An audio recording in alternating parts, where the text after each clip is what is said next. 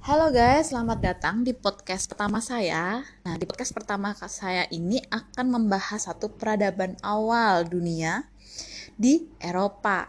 Nah, apa itu? Sebelum lebih lanjut membicarakan tentang peradaban itu, pernah nggak sih kalian berpikir, kenapa sih kok harus ada sekolah di dunia ini?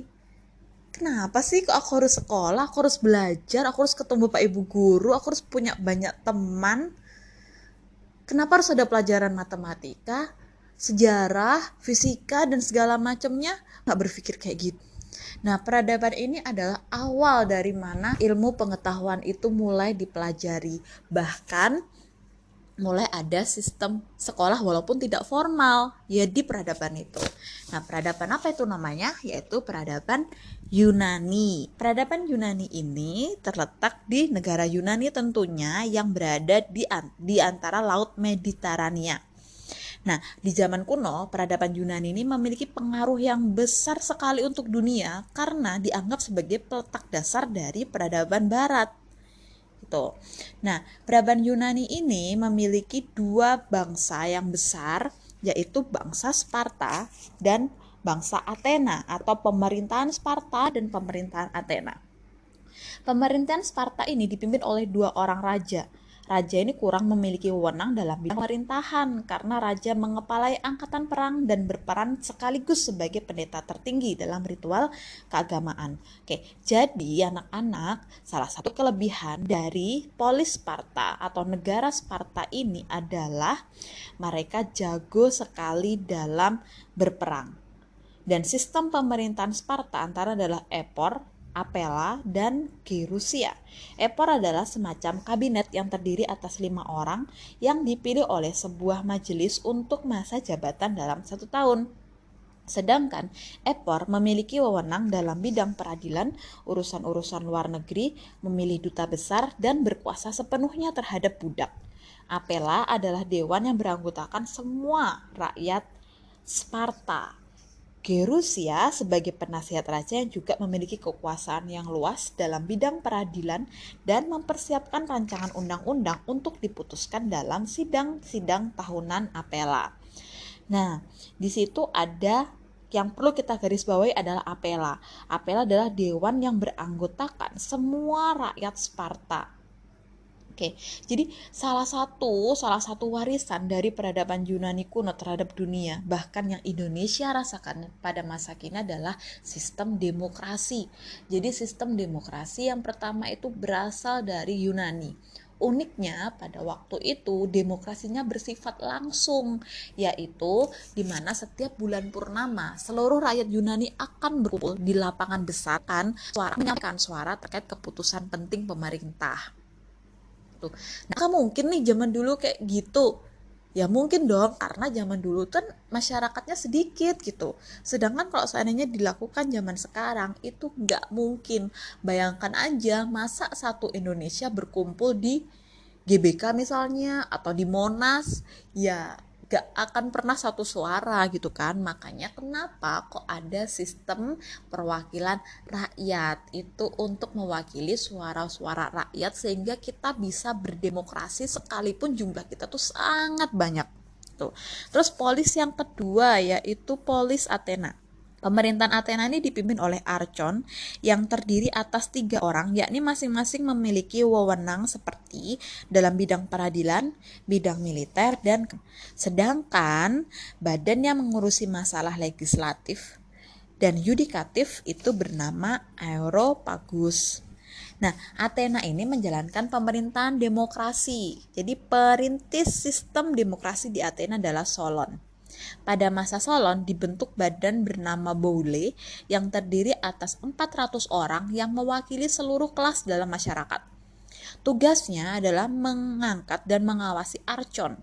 Badan lain yang dibentuk adalah Helialea yang bertugas mengawasi pelaksanaan hukum. Nah, ini yang sangat menarik dari peradaban Yunani, yaitu pada bidang kebudayaan. Bangsa Yunani kuno telah memiliki kebudayaan yang tinggi. Ilmu-ilmu pengetahuan berkembang sangat pesat. Tokoh-tokoh ilmu pengetahuan Yunani kuno itu antara lain Pitagoras. Nah, kalian pasti familiar kan dengan nama Pitagoras atau bahkan mungkin kalian trauma dengan nama itu gitu. Jadi Pitagoras itu kan ada ya di rumus matematika dan memang Pitagoras ini adalah seorang ahli matematika. Terus ada Hippocrates yaitu ahli kedokteran dan ada Herodotus ahli sejarah. Nah, ilmu filsafat itu juga berkembang pesat pada masa itu. Ahli-ahli filsafat yang terkenal adalah Socrates, Plato, dan Aristoteles. Nah, Socrates sendiri hidup pada tahun 469 sampai 388 sebelum Masehi. Ia disebut sebagai guru besar dalam sejarah umat manusia. Kenapa? Karena menurut Socrates, dalam kebenaran cukup dengan berdiskusi secara teratur dan berspekulasi. Dengan berdebat apa yang diucapkan orang lain, dengan mengucapkan orang lain, Socrates mendorong orang untuk tidak begitu saja menerima apa yang telah menjadi prasangka orang. Jadi ilmu filsafat itu adalah ilmu tentang bertanya.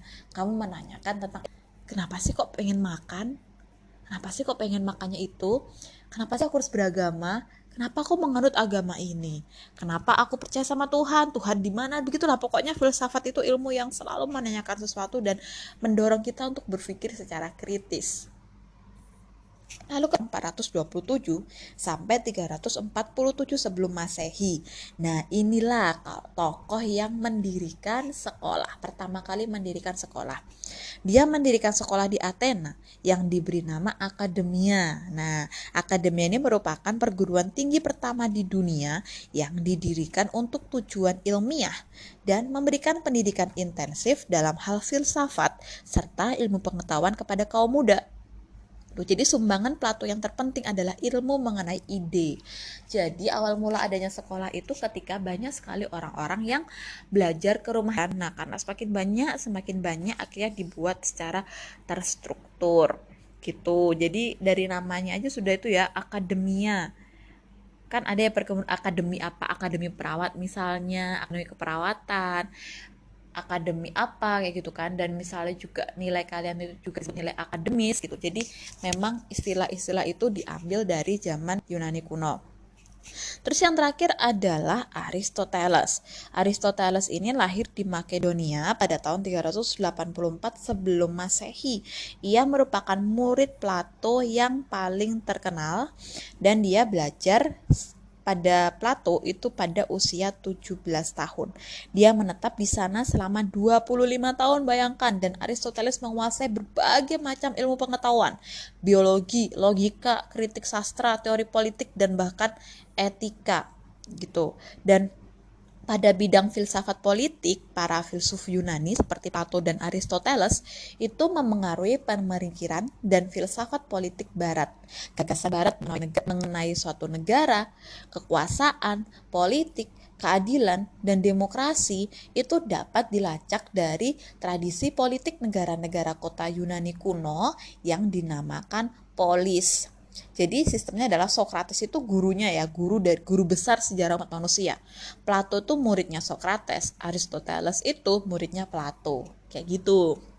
Nah, selain memiliki ahli-ahli filsafat, bangsa Yunani itu juga memiliki sistem kepercayaan, yaitu menyembah banyak dewa. Nah, saya pernah memutar satu film kan, Percy Jackson. Nah, kalau suka sekali sama Percy Jackson itu kan, atau suka uh, film-film lain sejenis dengan itu gitu mitologi mitologi kalian pasti kenal yang namanya Zeus yaitu dewa tertinggi dalam mitologi Yunani. Terus ada Ares sebagai dewa perang Hermes sebagai dewa perniagaan Poseidon sebagai dewa laut Apollo sebagai dewa matahari Aphrodite sebagai dewa kecantikan Artemis sebagai dewi perburuan dan sebagainya ada Athena juga Athena adalah dewi kebijaksanaan.